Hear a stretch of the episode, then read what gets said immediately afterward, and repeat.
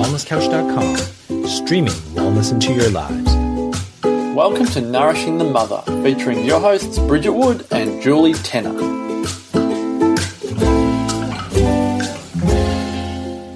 Hello and welcome to Nourishing the Mother.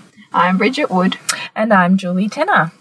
And today we have a very special interview with for you with Natalie Lejeune. Now, she is this incredible French osteopath who's been specializing in women's health for over 20 years. She's completed a master's thesis on the impact of caesareans on the pelvis and has executed extensive research on the consequences of hysterectomies and pelvic disorders, lumbago, sciatica, and femoral nerve inflammation. She has done advanced anatomical studies in human dissection and completed postgraduate work for 15 years with Jean Pierre Barral, an internationally recognized French osteopath and a researcher in osteopathy for over 40 years. Osteopathy has given Natalie Lejeune unique insights into the treatment not only of physical illnesses, but also imbalances of the mind and subconscious leading to health issues. Natalie currently lives and treats patients in Bali who come from all over the world to see her and volunteers at the Bumi Sehat Foundation assisting birthing women. And I hope I said that right, Bridget. That's right, yes. and I only know that because we are sponsoring that foundation at an upcoming Suburban Sandcastles event. But oh my gosh, there is just so much wisdom and insight and like stuff that just blew my mind in this interview. And prefaced by the fact that when we walked in there, Yeah. I laid Sylvie on the bed in this gorgeous apartment she's staying in. The first thing Natalie said was, There's something not right here. There's something not right. Look at the way she's laying. Yeah, and she was kind of twisting on one Yeah. side. And it's so funny how you just assume that's normal baby movement until you have someone like her go, she's so used to seeing normality or abnormality that she's able to really pick it quickly. Yeah. And so she did this impromptu treatment on Sylvie, which was just an extraordinary experience. It was wasn't just amazing. And she kind of she said to me, This might bring up some big feelings for you seeing her go through this because what she's expressing here in her body is birth trauma. And as soon as she said it, like I just got emotional, even just her saying those mm. words and to see what um, this process was for Sylvie to see all the emotion that was coming out of her body as Natalie was working on her. Natalie used this beautiful term that um, what was the the term? cells cry. Yeah, the cells. So cry. what she basically prefaced it as whilst and she was really empathetically connected to you. I was kind of witnessing that around Yeah. as she's going as for a mum, for you, this could be really hard. Mm-hmm. But what I want you to understand is that this is not a cry that you need to fix. This is the cry of her cells, her body literally releasing what's been stored there. So it's it's a releasing cry of the cells. It's not a literal cry of something's wrong. Yeah. And it was so interesting to watch because as you could even see that in the treatments as she's touching her, she's, you know, letting out these range of sounds and movements. And then as soon as that that part of the treatment was finished, it was like she came back totally back to ground yeah, zero. and you could see that her complexion shifted. She was able to like make eye contact mm. again. Blood flow in her hands Yes, changed. and you know, at one point Natalie said to me, she's, she looked directly at me and she said, "Breathe," because she could tell that Sylvie wasn't breathing properly because my breathing wasn't quite right. And this is the thing, and we talk about this in your other modalities like kinesiology. You know, you can work on the child through the mother. Yes, and this they're so interlinked. so interlinked, and this Yeah. is this is what was playing out for us. You know, in this treatment, it was really Yeah, amazing. so we really want you to dive into this podcast because we talk about all things her story as a woman, as a mother, as a practitioner, what she has witnessed in women, what her wisdom around women's pelvises, pelvic disorders, uh, what happens after birth for women emotionally, subconsciously, and physically. Like, we dive into all of this stuff in this interview with this extraordinary woman who we happen to catch as she's coming to teach in Melbourne. So, we really hope you enjoy. Okay, so welcome, Natalie. We're absolutely delighted that you have us in your presence and you're willing to share your Very happy to be with you too. Ah. um, so there's so much. We've just been talking with Natalie about her story, her um, story of immense womanhood that has led to where you are. Now I realise it's hard to dive straight back in there, but I'm wondering, can you share with our listeners what parts of your story, kind of those X spots, led to the passion and the fire that you have for healing women and their bodies now? Okay. Um, first, I had always wanted to be a healer That's the first thing since my childhood. The only thing that ever interested me was how to heal and how was the body working. So uh, all the studies I've done before was concentrate on the body. Uh, the first encounter I had with osteopathy was after the birth of my first child. It was a difficult birth with forceps, and my son was really affected by this. And uh, fortunately, I met one of my cousin coming back from the United States at this time. It was in 82. I was in France, and osteopathy was very confidential at this time in France. And uh, she went in to specialize on children in the United States. And when she came back and she saw my son, she said, Oh my God, we have to do something. And I said, Okay, but I didn't know what was osteopathy. And when I saw her working on my son, I had realized that that was exactly what I wanted to do. So at this time, I was uh, freshly graduated as nurse, but I was not very satisfied by this job, I could say. And um, it took me, unfortunately, seven years before being able uh, to study as an osteopath.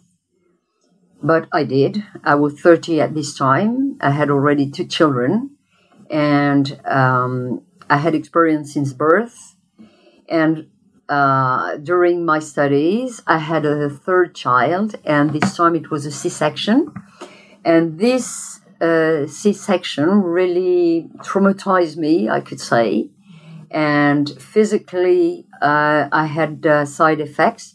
So when I had uh, to do my thesis, I chose to do it on um, side effects of C section, specifically gonalgia because it's connected and I proved and demonstrated why we can have gonalgia. So, what is gonal- gonalgia? uh, gonalgia, that's uh, pain uh, into the knees.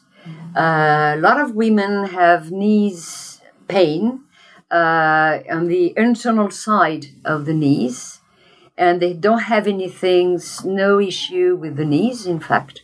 It's only pain, it's painful, it's disturbing, they cannot run, it's pinching nerves, they don't know exactly. And it's connected to the pelvic area by a nerve, obturator nerve, that is following the suspensory ligament of the ovary, going through the uh, obturator foramen and following the thigh, thigh uh, inside the, the, the side, and uh, finishing uh, on the anterior and internal part of the knee. And this nerve is pinched, excited by scars or by um, that position of uterus, of ovaries, for many reasons, and mostly because of scars, because of surgeries. And you have pain uh, in your knees only because of this. And you've discovered that there's one, a connection, and two, that osteopathy can really work Of course, with this yes. And the work is not to be done on the knees. on the knees, but it has to be done on the pelvic area. Urogenital. That's why. Advanced uh, osteopathy in urogenital, that's what I do. Good. And I want to come back to this because you and I were having a conversation earlier where you were saying you cannot specialize in anything because Exactly. you, miss the whole body when you specialize. Exactly. And I said, but you specialize. And you said, no, I, don't. have been. I have been specialized by women. I have been, but I am not doing only this. Fortunately, Yeah. I see everybody, and at any age, as your baby, Yes.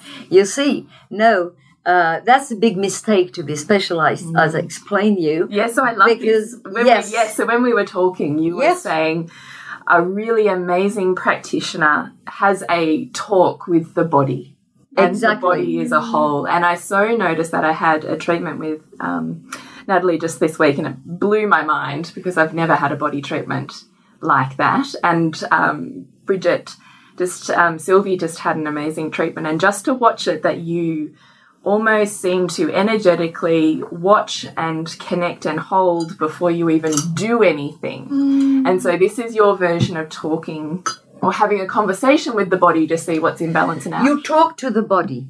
You know, it's uh, what, I'm used to say. It's uh, United Nation. You are dealing with the. You are part of the United Nation all the time. You are dealing with the body. So that's why I don't have so much time to socialize. How are you? How is your job? How is your day to day? No, I'm sorry. I'm talking to your body because if you come here, it's not to talk to me. Okay, if you want to have tea, we can have tea after. but you bring your body for me to do something for you, for your body. So that's why I am talking to your body. Mm-hmm. And my brain is really tuning with your body and your brain because this is your brain, the main commander of your body. This is your brain. And all I am going to do is to reconnect by connective tissue all parts of your body that are disconnected and I'm going to reconnect them to your brain. So that's why this is a talk with your body. I'm reconnecting by ligament, by the skin, by fascia, by different part of the body that need to be reconnected. So that's why there is no pro, uh, protocol. You are not doing from A to Z because that's the way you learned it. It's tailored all the time.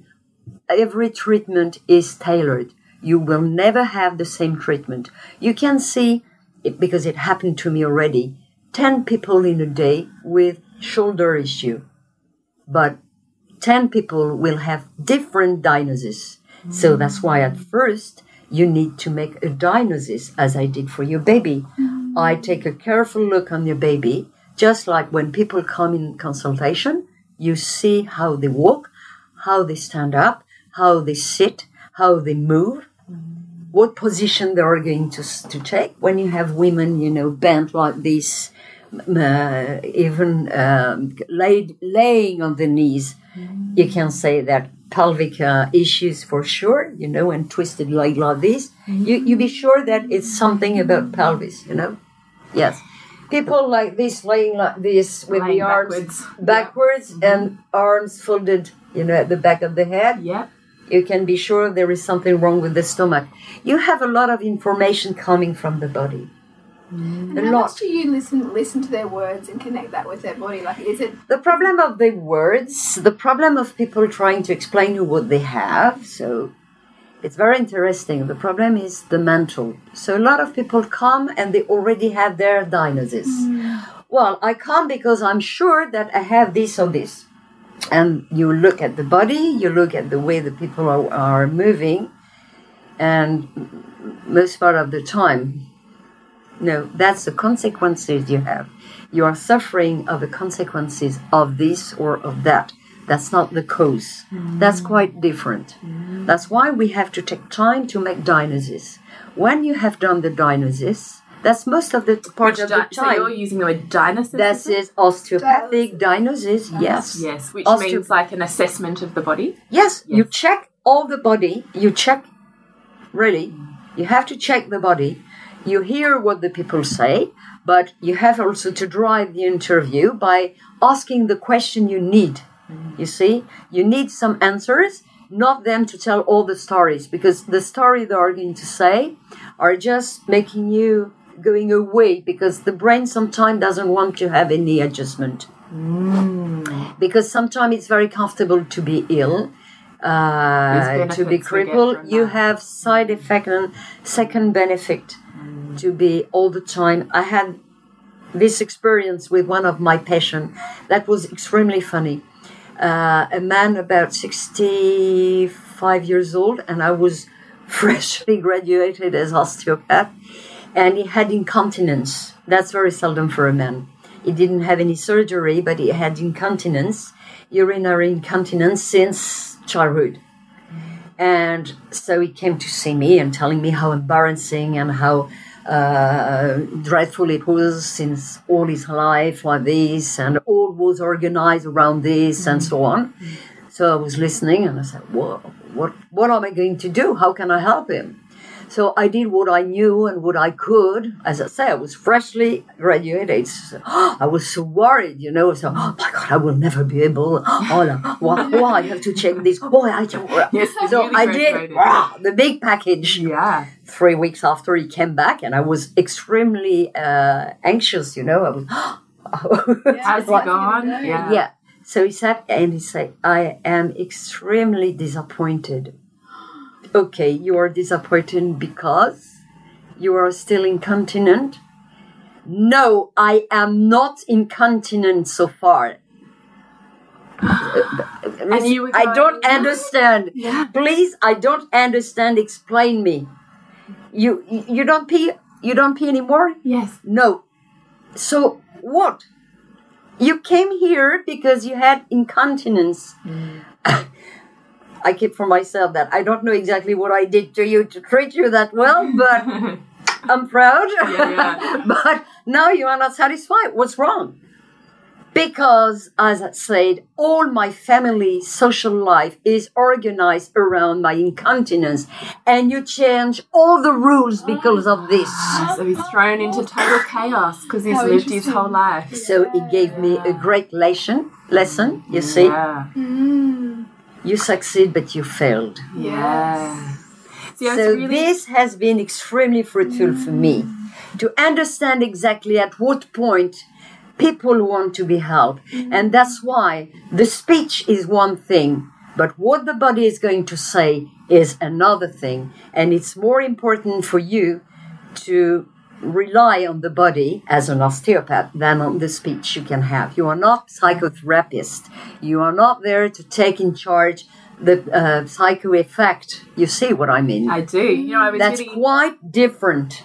Quite different. I understand. The body laws are not the same that the mental laws. They are not the same. The mental, you know, is the kind of dwarf, uh, agitating all the time, making a lot of noise to be sure to be seen, and uh, that The we are going to take create. care of it, you know, with big shadows, you know, the Chinese lamp where you have big shadows of big monster, and in fact, it's no more than two, three centimeters high. In reality, that's the mental. So that's why it's only um, shadows. It's not reflecting the truth. I'm really interested about in this because in your um, bio there was this statement around you gain insights into the treatment not only of physical illness but also the imbalances of the mind and subconscious that lead to health issues, which is what you're talking about. here, the- Exactly. the, inter intersecting or intertwining nature. That's why you have to understand what the body is saying, and that's biological decodage. Because this also has been proved that uh, each part of your body is going to express something extremely unconscious. Extremely unconscious. You you don't you are not aware of it because if you were aware of it, So- you wouldn't have time to somatize it. Yes, the unconscious manifestation of the Exactly. physical condition. Exactly. Yeah. So So when you're looking at that then and you recognize there's an unconscious trigger sitting behind this Yes. physical, how do you approach that? So first, you have people coming to see you, and uh, th- so I was interested by the uh, biological decodage because I have seen people. Uh, for me, I was seeing some kind of people uh, too often, and it was not normal because normally one two session in osteopathy when you do well your job, you improve you can say yes, yes, ninety percent. Okay, at least ninety percent. Not in all the cases, but most of them. So it was not normal to see people coming all the time with the same uh, demand. It was not normal at all for me. So I was asking them, "What are you going through? How is the family?" and so on. And then I heard about uh, biological decodage. And when I heard and I learned about this, I have understood why some people were always sick, for instance, at Christmas time when family was gathering, why they had a lung issue, uh, why, uh, yes, uh, why they had uh, headaches. It was There's more going on. Exactly, exactly. So that kind of thing. So you were able to prevent, you are able to explain to people what's going on, to understand what's the relationship they have with the family, submissive, uh, you know, uh, The layers of story and history and belief. yeah, and all coming from childhood, and all coming from also all your past, uh, the past history of the family. It's not only you and your parents; it's also your parents' story, the grandparents' story, because every it's all carry on, you mm. know, from generation to generation. Mm. So this is extremely important. We are made of our ancestors. And we are carrying luggage that are not only ours. See, I find this fascinating because I, I didn't say to you before, before, but I'm a birth worker as well. I'm a doula. Yeah, you told me. I did, okay. And I, I see this playing out in women's stories, particularly around birth. So this is fascinating, isn't it? Is that it can be quite a head spin to get around the fact that perhaps your grandmother was raped or went through a violence and that impacts your birth. Of course. Yeah. Of course it does. So have you, what do you and the see- loss of children also, the loss of uh, toddlers, uh, newborn uh, babies, uh, miscarriage. This impact a lot. And bleeding also, and uh, all uh, women bleeding. Uh, yes, yes, But yes. we all have- carry those stories we, we are we are and we are trying to mend them from a generation through generation we are trying to mend them by the choice of our job you know We were talking about our job. Would you like to, uh, you know, open that up for our listeners? That kind of idea of women having this deep seated, ah, what's the word? Desire, drive, um, innate calling to honour their inner woman through the process of birth and motherhood. yes so how they are uh, why you have this feeling Yeah, yeah, and how you see that playing out in women that that experience that, or like in your case, that don't get to experience that in the way that they planned, and that sort of play out. I would love just for you to share that conversation with our listeners. So uh, why do you why you are not able to give birth the way you want Yeah, or even you cannot you cannot predict that's the problem you cannot you predict can't predict. You cannot plan. That's life. That's also your past history. That's your family past history. You cannot say. So you were talking before about this really intense desire for women to feel like they've failed or um, succeeded based on on their birth experiences. What Yeah. have you seen in women? So in- uh, when you when you are going to have a child, this is for me. This is your uh, main exam in life. That's the feeling that you Yeah, have. yeah. And it's you can not be me. An, it's you can not be an amazing CEO. You can achieve all of this stuff, but at some level, there's something incredibly deep that women often don't talk Yes, about that yes. sits there. Yeah. For a woman, giving birth is the main exam they have in their life. They can be graduated from any university in the world, they can be at the top of any firm. They will not have that exam passed, and they cannot say they have succeeded in life if they don't pass this exam. And There's like a deep seated. And it's not me, and it's not just, uh, I'm not the one telling this. It's proof like this. Like you a see? biological imprint. Yes, designed to express and you need to way. give birth, and to be able to give birth by yourself, meaning, of course, you need midwives, you need doula, you need doctors. It's not what I mean, but I mean you need to be able to give birth by yourself without any medical aids. Uh, inter, um, to feel empowered in this yes, experience. intruding during this experience with you and your baby. And that's the big exam of your life. That's the big one.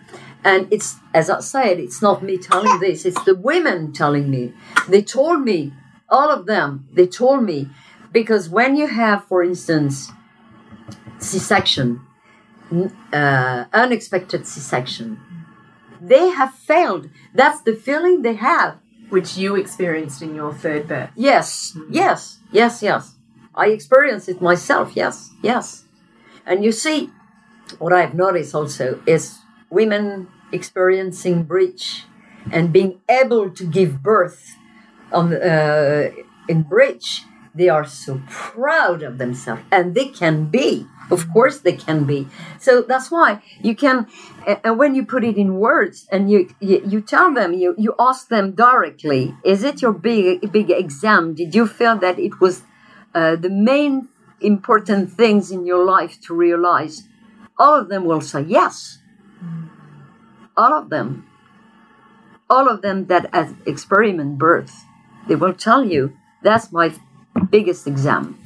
So how do you start working with these women? How do you kind of place that those emotions and start healing their bodies again? How do you open that up? So for them who didn't, who haven't been able to, well, you have to get over. You have to get over. You have to understand. It's just like menopause, you know. You have to be creative, and that's the main thing. You know, women going through menopause uh, without any side effect. Uh, these women are creative women. They know how to transform this power of creativity, of fertility. They know how to handle it because as women, we have a lot of power. We have been gifted to have a lot of power, and we have the biggest gift. We are able to transmit life. We are not giving life. We're able to That's transform that extremely different. We are not giving life. We are transmitting it. That's different. That's different. Okay? We're not goddess. We are not goddess. We are human beings. So that's why we're not creating by ourselves. We need a partner. Okay? And So we are transmitting. Okay? So, but this power, we have it until menopause. So we use it or we don't. That's our choice. If you choose not to have children, it's a choice. It's perfectly respectable choice as well. You don't need to have this big exam to, uh, to give birth because it will be your big exam. You can do other way, of course. It's not because you you're not giving birth that you are nothing. It's not true. But those who feel the need to give birth, to have children, they need to prove themselves that they are able to have this to pass this big exam. That's all. That's choice. Okay. So those who are uh, having menopause, they are losing this power, and for many of them, it's a drama. It's just like a fair losing her magic uh, stick. You see, in a way, as I said, you use it, you don't use it, but you have it. The day you don't have it anymore, what are you doing? So that's I've, I've heard that that energy, as opposed to life transforming energy that you can send outwards in menopause, it's the process of recognizing Yes. that power turns inwards. Yes. So some of them uh, are lucky enough to have grandson, granddaughters, so they can take care. You know, if they are in the process of motherhood, they can still take care. They are still useful as mother. That's extremely important for a woman. And a lot of women, you know, that's the main thing for them. They are still useful as women, as uh, mother, uh, transmitting and taking care of In some babies and of children. Yes, exactly. So when they are lucky enough to have uh, grandchildren, when they don't have, when it's a little bit desert around them, these women often they have side effect of menopause. You see, they have heat. Uh, the yeah, and it's proved that it's because the brain is shifting be- between right and left brain, so they have to reconnect to their feminine part. So how to reconnect on my feminine part? Not being acting as a man, so not thinking about the bill, not thinking about uh, the car, not thinking The about doing and the achieving. doing oh my nail my hairdo my new dress darling my shoes be a woman Yeah, yeah. believe me it works We talk a lot about these polarities, and I was fascinated Yes. because I wanted to bring this in because I came across you through Saida Désilets, who we did, Bridge and I both did Yeah. Jade Egg practice with. And Bridget and I were having this conversation, which I know Bridget really wanted to bring in in this was being postpartum. how you see women's um, sexuality, uh, ability to be sexual and connected to their pelvis, given that whilst you don't specialize, you have an enormous body of knowledge on the pelvis. Yeah. how you see, and I'm assuming there's a, a deeper resonance around women's pelvic health and sexuality, given, I mean, Saida just kisses the ground you walk on. So hmm. I assume that you've had some deep conversations with her. And maybe I'll hand over to you, Bridget, because I know you had some really some questions you really wanted to delve into around this topic. Yeah, and certainly this is something that comes up a lot with our tribe of women, which is how do we reconnect with our sexuality and kind of join that disconnect that we might feel between our, After birth, after birth. because it's hormonal. Mm, it's yeah. mostly hormonal. And it's true that because of your hormones, when you are breastfeeding, you don't feel any need, sexual Yeah. need. Because Because you satisfied. you have orgasm. By breastfeeding, you have orgasm. Mm. When you give birth and everything is going well, you have orgasm as well. Mm. But it's true. It's That's- transforming what an orgasm means. But it's Yeah. it's a reality. Here, a woman in labor, when everything is going well, and here, a woman having sex, it's exactly the Yeah. same voice, Same sound. and the voice is coming from here, larynx. It's exactly the same, mm. and that's why it's so disturbing to men. It mm. is extremely disturbing because that means you are autosufficient, Yeah. And mm. they, you know, Where do they fit into that Yeah. picture? Yes, the problem is I don't know exactly in Australia how you the men the position of men and women exactly in the society, but uh, during a very long time in Europe, men and women were fighting to feed the baby, to change the nappy, to ah. put it in bed. So they were competing Like like for equality. exactly, and that was the worst mm. And the men to come to assist the birth and being uh, close from the gynae to see exactly what was going on. No, it has changed now to bring back people to their own. Bring back women. well, uh, we, and yes, and people, men and women, the polarity. back to their own yes place during birth and after. Normally, archaically, uh, when we were in our caves and trees, we needed to be two to being able to breed a child. You need a Two because yes, mm. the woman was in the cave, okay, and she was not chasing. Mm. She was taking care of the baby, mm. having the baby in her arm all time because it was so dangerous that if you wanted the baby to survive, first it has to be breastfed, of course, and it had to be carried all the time. Okay, you couldn't leave the baby like this. They gathered to try to have better um, uh, watching of the babies and the toddlers the community. community of women. Meanwhile, the men were hunting, and they were hunting to feed them because if you wanted to have milk, you needed someone to hunt for you. So, and the men were watching also for the cave to be safe. You know, they were fighting against predator. You were not. You couldn't. So it was the men. Whereas now that's blurred, hasn't it? So that's why it's important to give back this role to men. We need you to support us. Mm. We need you to feed us. We need you to protect us.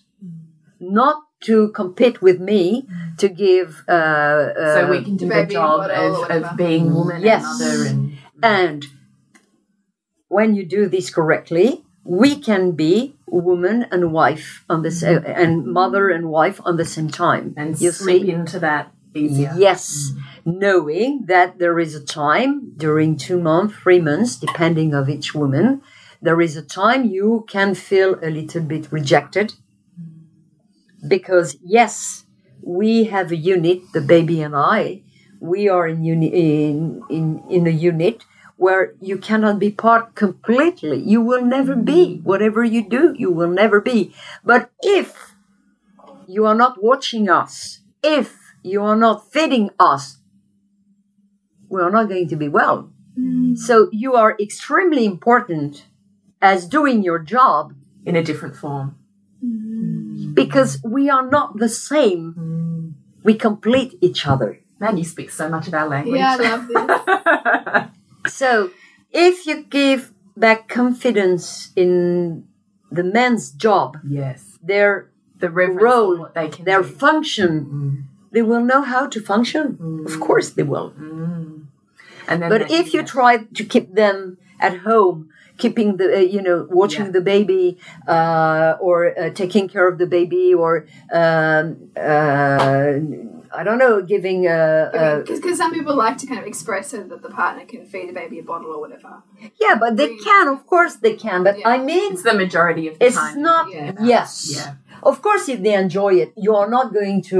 Uh, Yeah. It's the role reversals, really, Yeah. Yes, about. it's this competition we had. I don't know how you had it here, but in Europe during a time you had really a competition. Yeah, that's fascinating.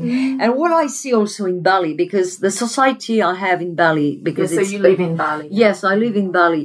Uh, I see a lot of, of Russian, lot of Russians, and these people come in Bali expressively to give birth in Bali, because it's like this in Russia. A lot of Russia feel the need to come in Bali to give birth, and I see a lot of couples, and I have, I have seen a lot, and in Bali I see Russians couple so different for what I have seen in any places in the world before that I'm really stuck by what I see. saying.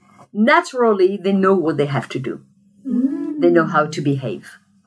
Naturally, everybody knows what to do. The baby, the man, the woman. They know. Mm. And you have a trio extraordinary. It's, it's, it's absolutely amazing to see these people functioning. And isn't this fascinating? Because this is almost a flip on seeing them as um, seeing nations like that as, as sexually liberated regressively. Yeah. Yes, that we see this kind of communist background and men and women and power and what that looks like. And yet, what you're saying is, No, but it's new couple of about that. 30, you see. yeah, yeah, the flip of that is. And they are amazing people, Yes, most of them. And I, I love to work in Bali with them. Isn't if I could work only with them, that's what I would do. no, but it's true. It's true. They are fascinating to see. They are absolutely fascinating. Is that because they're more deeply connected to their roots and to their ancestral kind of rhythms. rhythms and roles in society? I don't know. Uh, well, you have a lot of people very connected and very uh, grounded in uh, expat community of Bali as well. I, I'm speaking to be really clear. I'm not speaking of the Balinese uh, society. I'm speaking of the, expat. society. To be sure that we are speaking about the same thing, okay? Because the Balinese have different rules, different life, and you are not so welcome to to be part of it. So me, I'm working with expats, and uh, I see uh, only the expat community in osteopathy. Yeah. So interesting. So, what I really wanted to bring it back to as well was just I really want to break open what you've witnessed in women's body work, particularly around their pelvis, because what might be interesting to our listeners is that you do internal ligament and fascia work as much as you do osteopathy on the external, well, not Yes. external body, but yeah, Yes. external body. But yeah, but the urogenital work I do by vaginal route or uh, rectal route as well. Yeah. Depends, depends on what you have. Is only one part of the osteopathic treatment. Yes. You cannot pretend to do Only only that. urogenital mm-hmm. treatment to a woman coming to see you just because she gave birth or she has a C-section or she had any kind of surgery. It will be one of the tools you are going to use When it's necessary. when it's necessary. Mm. Okay? That's why I say you cannot be specialist. No, I see that. You need to work on all the, whole body, body, to on what it's understand. For instance, when you had uh, epidural, you need to work on the spine. You work to, you need to work on the dura mater. It's not by working by your genital that you are going to solve the problem uh, between L1 and four, L, what's happening to the whole L2. Yes, that's why. And uh, the same about the ramata. You need to check the the crane. You need to check uh, all the body.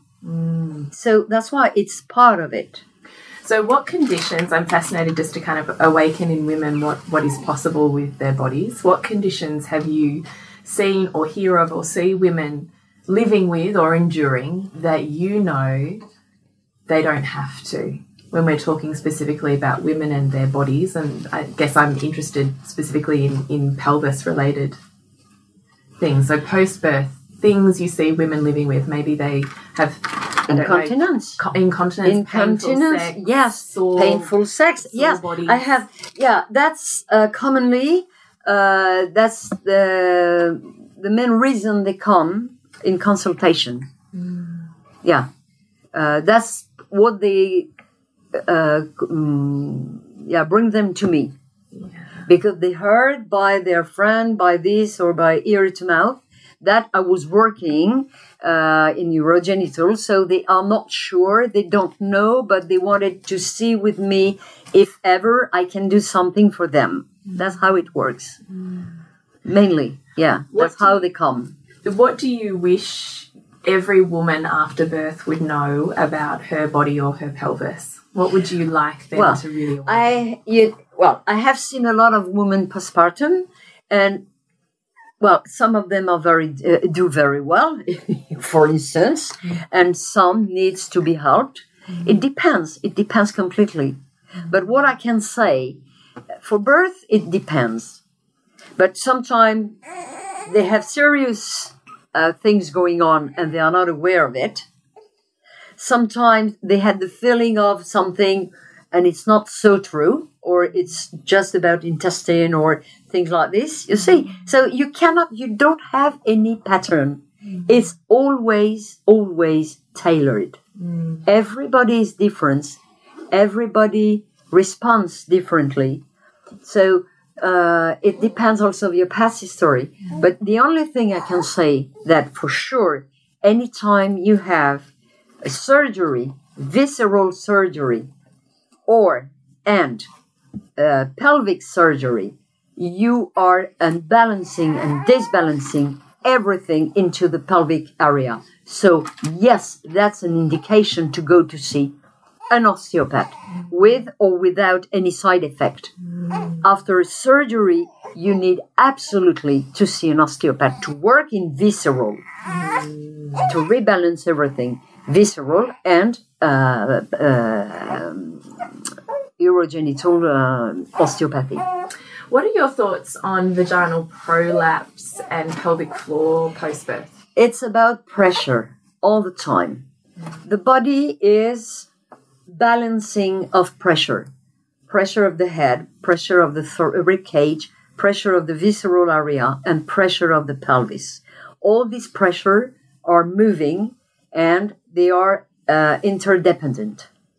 When you have uh, a trauma somewhere on the rib cage, that's why, once more, you cannot say only urogenital. Because it can be interrelated in a number of places.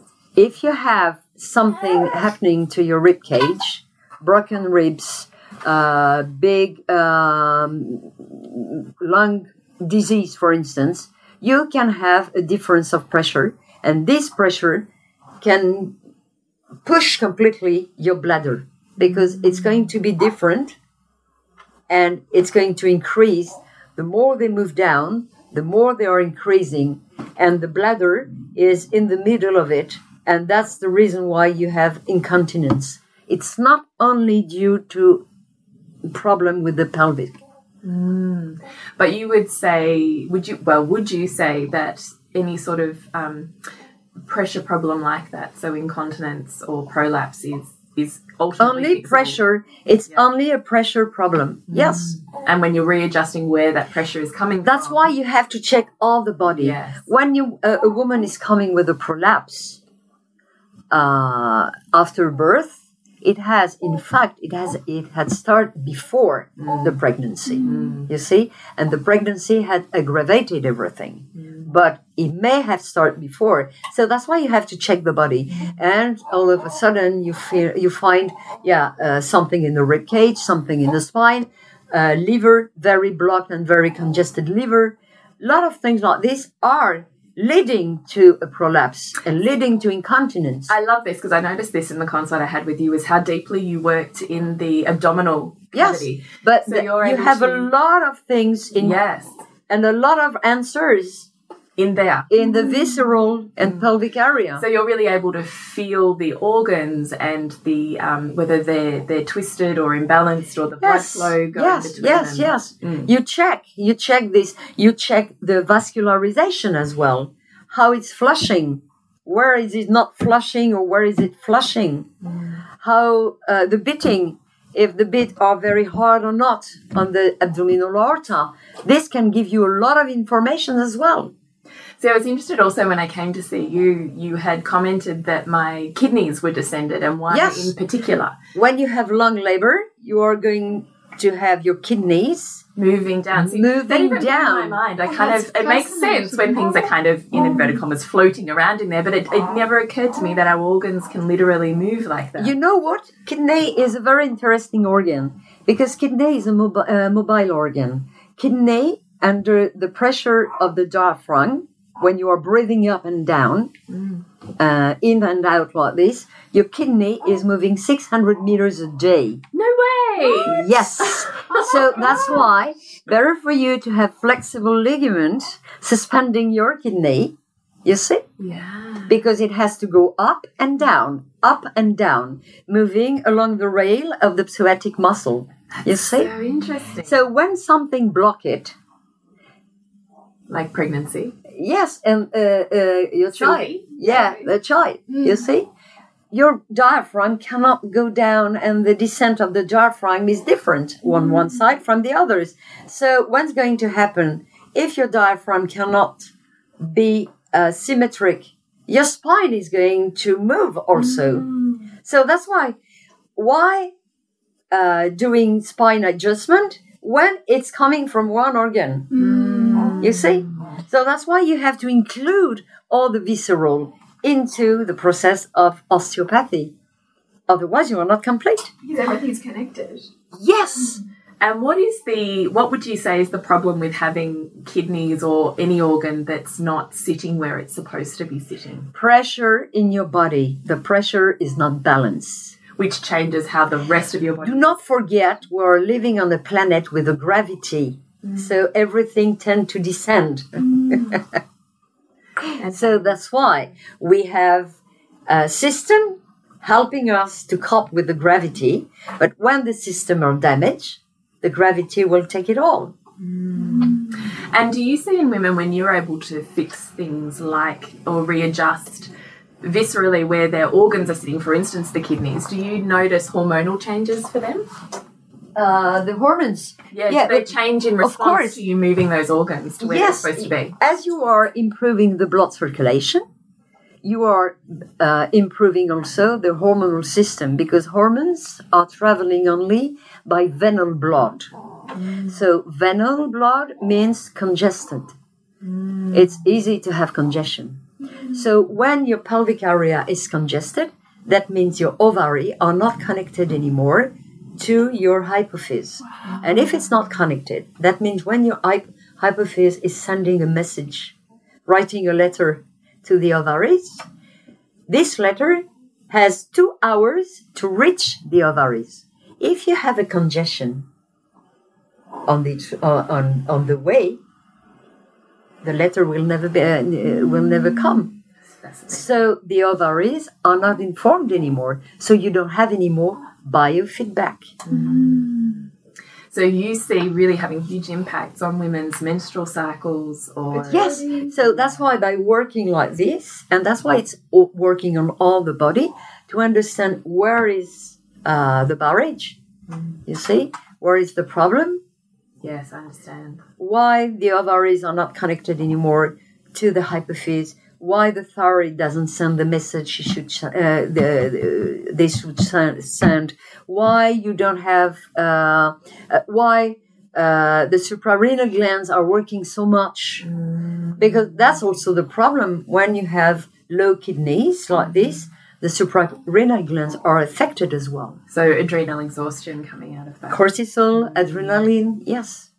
after a shock, when you had a shock, a big shock, uh, emotional shock, or accident, you have side effect on the on the kidney, and you have to know also that kidneys, you have two kidneys, but you have a left and a right, and the right is more digestive connected, and the left kidney is only urogenital connected. Oh, see, that is fascinating. So you cannot. That's why And it was my we left need. that was more descended. So Yes, interesting. that's why we need to check the kidneys And at the first. left is the feminine, which is connected to the urogenital. And I'm thinking Ah. about like because kidneys is what impacts the pro.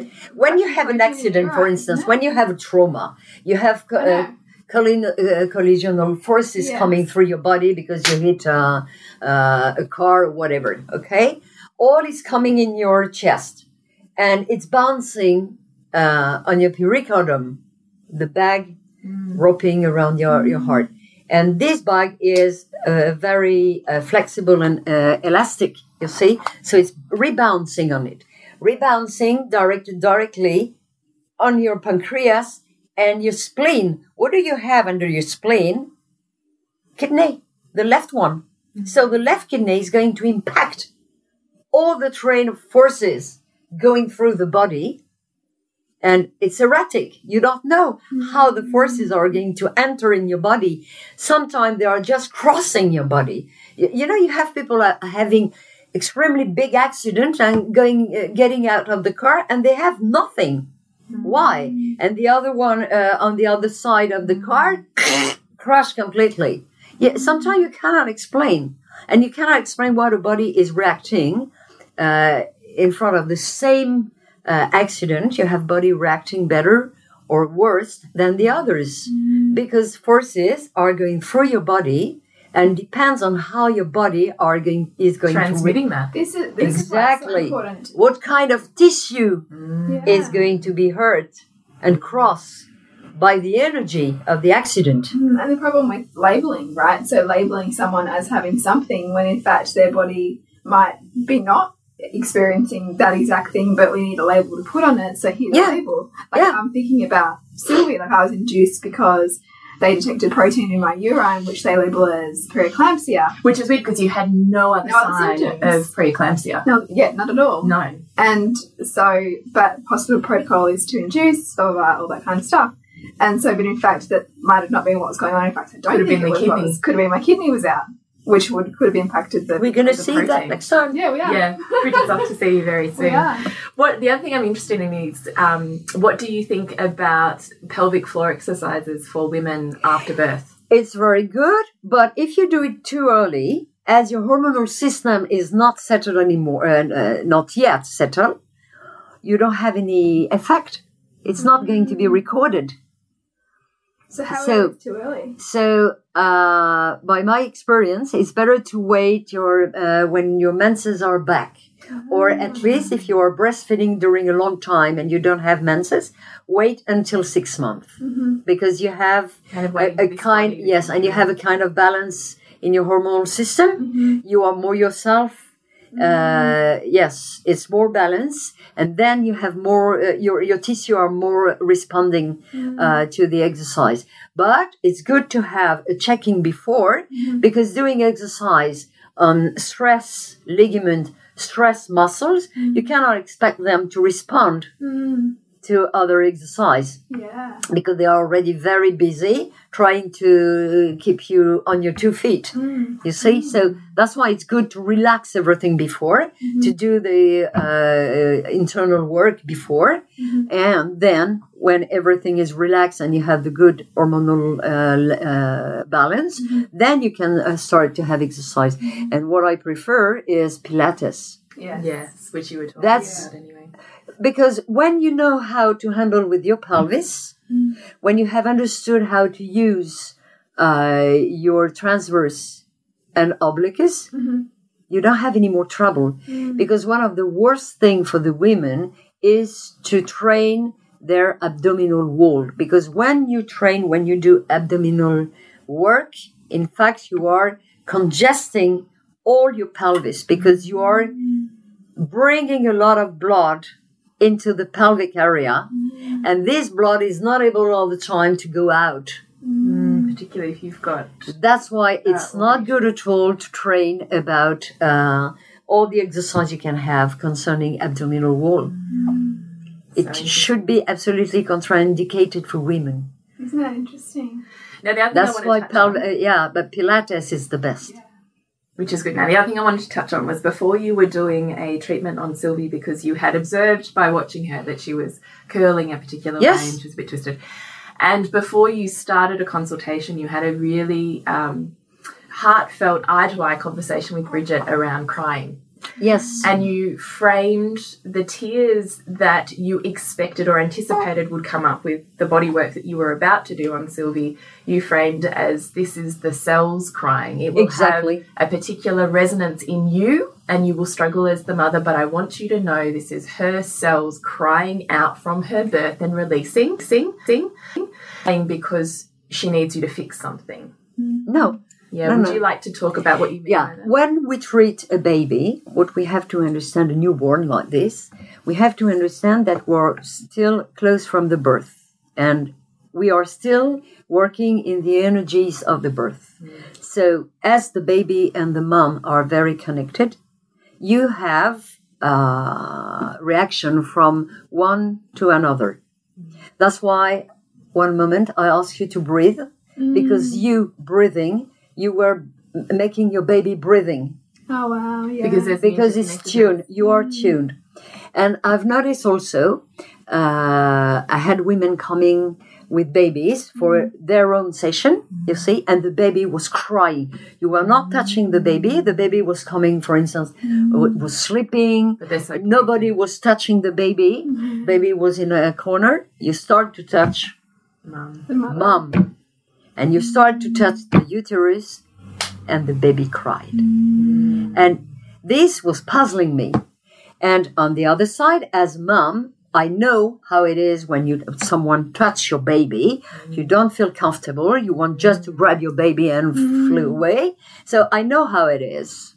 So that's why we're so tuned that you have to explain to the mom that the reaction of the baby when you are doing a treatment in osteopathy is only a cellular reaction. It's only Like a cellular that memory that's been yes, released. the energies of the birth, because birth is, I'm sorry to say, always a trauma for a baby. No, I completely see that we are all It's a impacted by our trauma. It's a trauma. Yeah. And that's why baby are asleep during the birth. They are mm. sleeping, deeply sleeping, to be completely flexible, mm. for them to be, uh, you know, drawn out. Yes, mm. yes, yes. Mm-hmm. They have to be completely flexible for this. So the energies of the birth store. in the Are they are stored in the baby uh, body? You have different, just like a, a, a- a collisions, just like an accident. You see, you have these energy, specifically when you have very long labor. You are pressed completely. So, mm-hmm. you, of course, you are going to have trauma. Mm-hmm. And where are you going to have trauma? Specifically on the rib cage. and in their soft tissues. Yes, Yeah. because but all of the baby is soft, Soft tissue. You have no bones. You have only soft tissue. Mm-hmm. so that's why it's only water. Mm. So that's why you need to know and to understand where are the energies, and you have to track them and to to see where you can find them In their and body. in the body of the baby. And the reaction of the baby when these energies are going out as we said energy are always recycled. They are mm-hmm. never uh, lost. They're transformed. Mm. they always transform okay? And I found this so fascinating. that's why the baby is expressing mm. and taking out these energies mm. by crying because crying is breathing. Mm-hmm. And when what you do during a session of osteopathy you oh you breathe. You yawn. You move your diaphragm. that's what the baby does. Mm-hmm. And I found it so interesting watching you that in terms of even witnessing, you know, our emotional um, or psychological body stored in the physical is even when you were touching Sylvie on particular points that you felt were obviously hmm? congested or out of balance. The cry that elicited was really quite a forceful cry with a big breath. And then as soon as you kind of released that and your hands moved, she like Yeah. went into like this state of total relaxation. It was so fascinating just to observe. You are releasing these energies, you see? To see her complexion change at different Yes. as well. It was all bodied. Exactly. So that's how you progress during a treatment for a baby. You are completely, uh, we are a team. One of the parents is going to watch the baby to secure the baby for it, uh, for the baby not to fall, not to move, because the osteopath has to be absolutely focused on this tissue where he is working on, you see. So you cannot, and that's why uh, I explain what is going to, to happen for people to be aware and to understand the reaction and to if they don't feel comfortable it's when they come uh, daddy and mommy mm. it's better because daddy can handle it much better than mommy. Mm-hmm. But it's normal. Mm. It's quite normal. And I, I just loved your terminology of this is the cells crying out. it is but it's only this. I loved it. I thought it's it is. There is nothing specifically emotional. It's really physical. Releasing it. Yes, mm. it's a release. It's a physical release. And as I say, that's the way the baby is breathing out these energies, I loved that. expelling out of its body. It's like cathartic for the baby to shift. yeah, because the baby cannot, uh, uh, the breathing for a baby is uh, Sporadic and difficult and not controlled. We can control our breathing, but a baby cannot. It's still automatic. So that's the way the automatic system is expelling, mm-hmm. you know, by breathing more, mm. increasing the breathing. Mm. That's the way it works. Mm-hmm. That's all. Now, Natalie, I could talk to you, I think, forever, but we are going to have to, Yes, you know, are. begin to wrap up this interview. Um, I just wanted to ask you before we move into our rapid fire questions is there anything that you would like to say to these beautiful mothers or mothers to be that have listened to our conversation today? Is there anything left that you are feeling called to say? What can I tell them? Uh, that they didn't know already. I don't know. Uh, no, to trust their body. To trust their body. Uh, even if it's the big, big exam of the life, even if they are not aware of it, never mind, or if they are aware of it, they have to trust their body to ha- to be confident, because life is a force, and we well we all survive. We are here, and uh, yeah, we can do it all the time. We can do it. We are able to. We are made for it. So they have team now. We have team of people, doula, uh, midwives, uh, doctors. So we are helped, and uh, we are not alone facing that uh, event, the big event, the paramount of life. You can say, yeah, it's a paramount, of course. So, rapid fire questions. Oh yeah.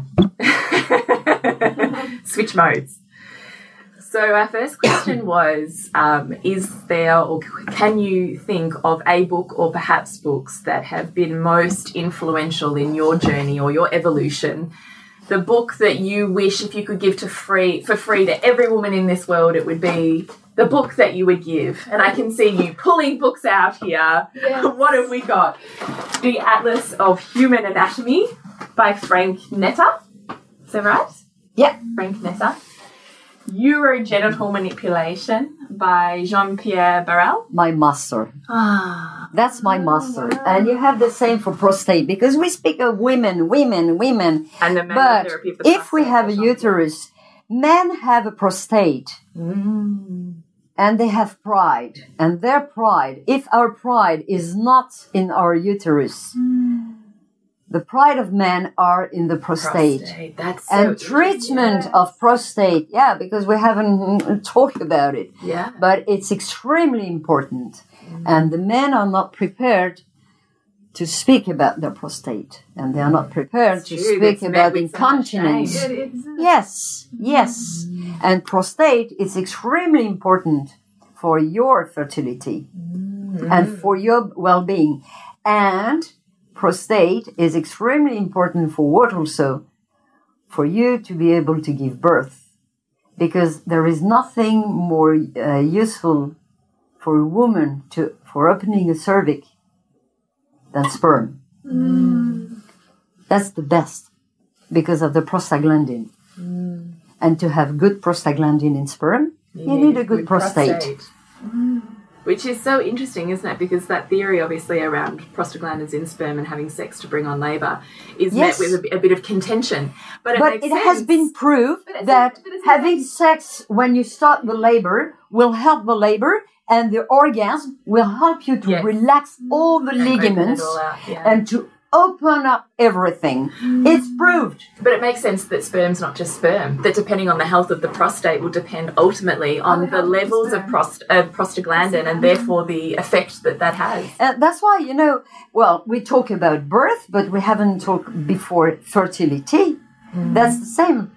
Uh, to work in urogenital for someone who doesn't have it, who cannot uh, conceive, it's extremely important as well, and we can help a lot. You can help a lot. That's so interesting.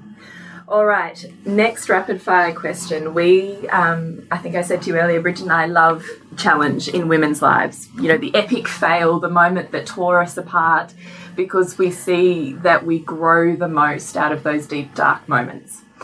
I'm wondering if you can share with us your really epic moment in your life. I had so many, darling, that it will take the day. So, no, uh, no, no. Uh, I told you about. I told you uh, before about the man coming with the, the incontinence. It was a failure that learned me a lot. Yeah. It was.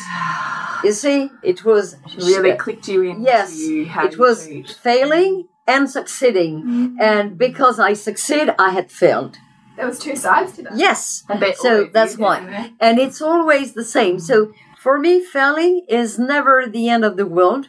I learned about it since very long time. That's why I may be alive, still alive.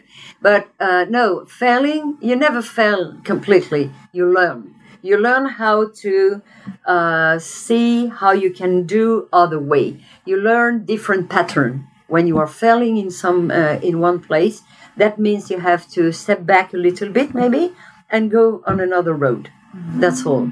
So So gorgeous. I love yeah, and you have to yeah. mm, It's not good to have big expectation because when you have extremely big expectation, you fail. Because you think that the world will work according to your expectation. Doesn't work like this. That's how you have failed. That's how you have failed that's how you are disappointed because you dream you plan you organize. Yes but the reality will be totally different because uh, why because reality depends of others you are not alone on the planet Yeah. So true. Our last question is if you could have a billboard on a major highway anywhere in the world, what would this billboard say? uh, what would it say? To be free is to be the master of your life. I think that's the only thing I could say. To be free is to be the master of your yes, life. That's and yes, billboard. because uh, for me that we are not ruled by emotion, love, hate, anger, jealousy. It's only passions, and we lost a lot of time trying to understand others by this state of mind. You see, by jealousy, by love, by we we spend a lot of time, and we are not free when you take a step back and you go on empathy and compassion, then you can understand the others and you can mm-hmm. understand that the others, well, they are not different than you are. Mm. So you are free mm. and you can master your life. What wisdom to end this podcast on. Mm-hmm. Oh, Natalie, thank you so much. Thank you very much for you. delight. Thank you. How can women get in contact with you? Do you have a website or a channel? Or I have, yes, uh, I have a website uh, under my name. Yeah, you you have the address. You you can Natalie edit. Lejeune. We can share all of those in our show Yes, notes. and they will have my email address, so that's the best thing. Knowing that I'm traveling a lot, so Yes, uh, here in Melbourne. for yeah. teaching. For the moment, I'm in And- Melbourne. I go back to Bali, then I go back to France. I step over Singapore time to time also. we will share those links. But I will come back in Melbourne as well. And we will let our listeners Yes, know. And they can keep in touch with you and with Lyle, of course. And uh, yes, it's possible. you're Yeah. booked up for this trip, as I, as I understand. Yes, it is. Yes, yeah. No, no, uh, no. Yeah, yeah. It's, it's really I one booked. the last appointments. I was yes. Well, thanks again, Natalie. It's been an absolute Thanks to you. It was really a pleasure to meet you. Thank you. Thank you. So, we really hope you have gained some enormous wisdom out of this interview with Natalie and that you sit somewhere differently in your body or in your psyche of what you are ready to embody or relinquish or hmm. travel on the path of.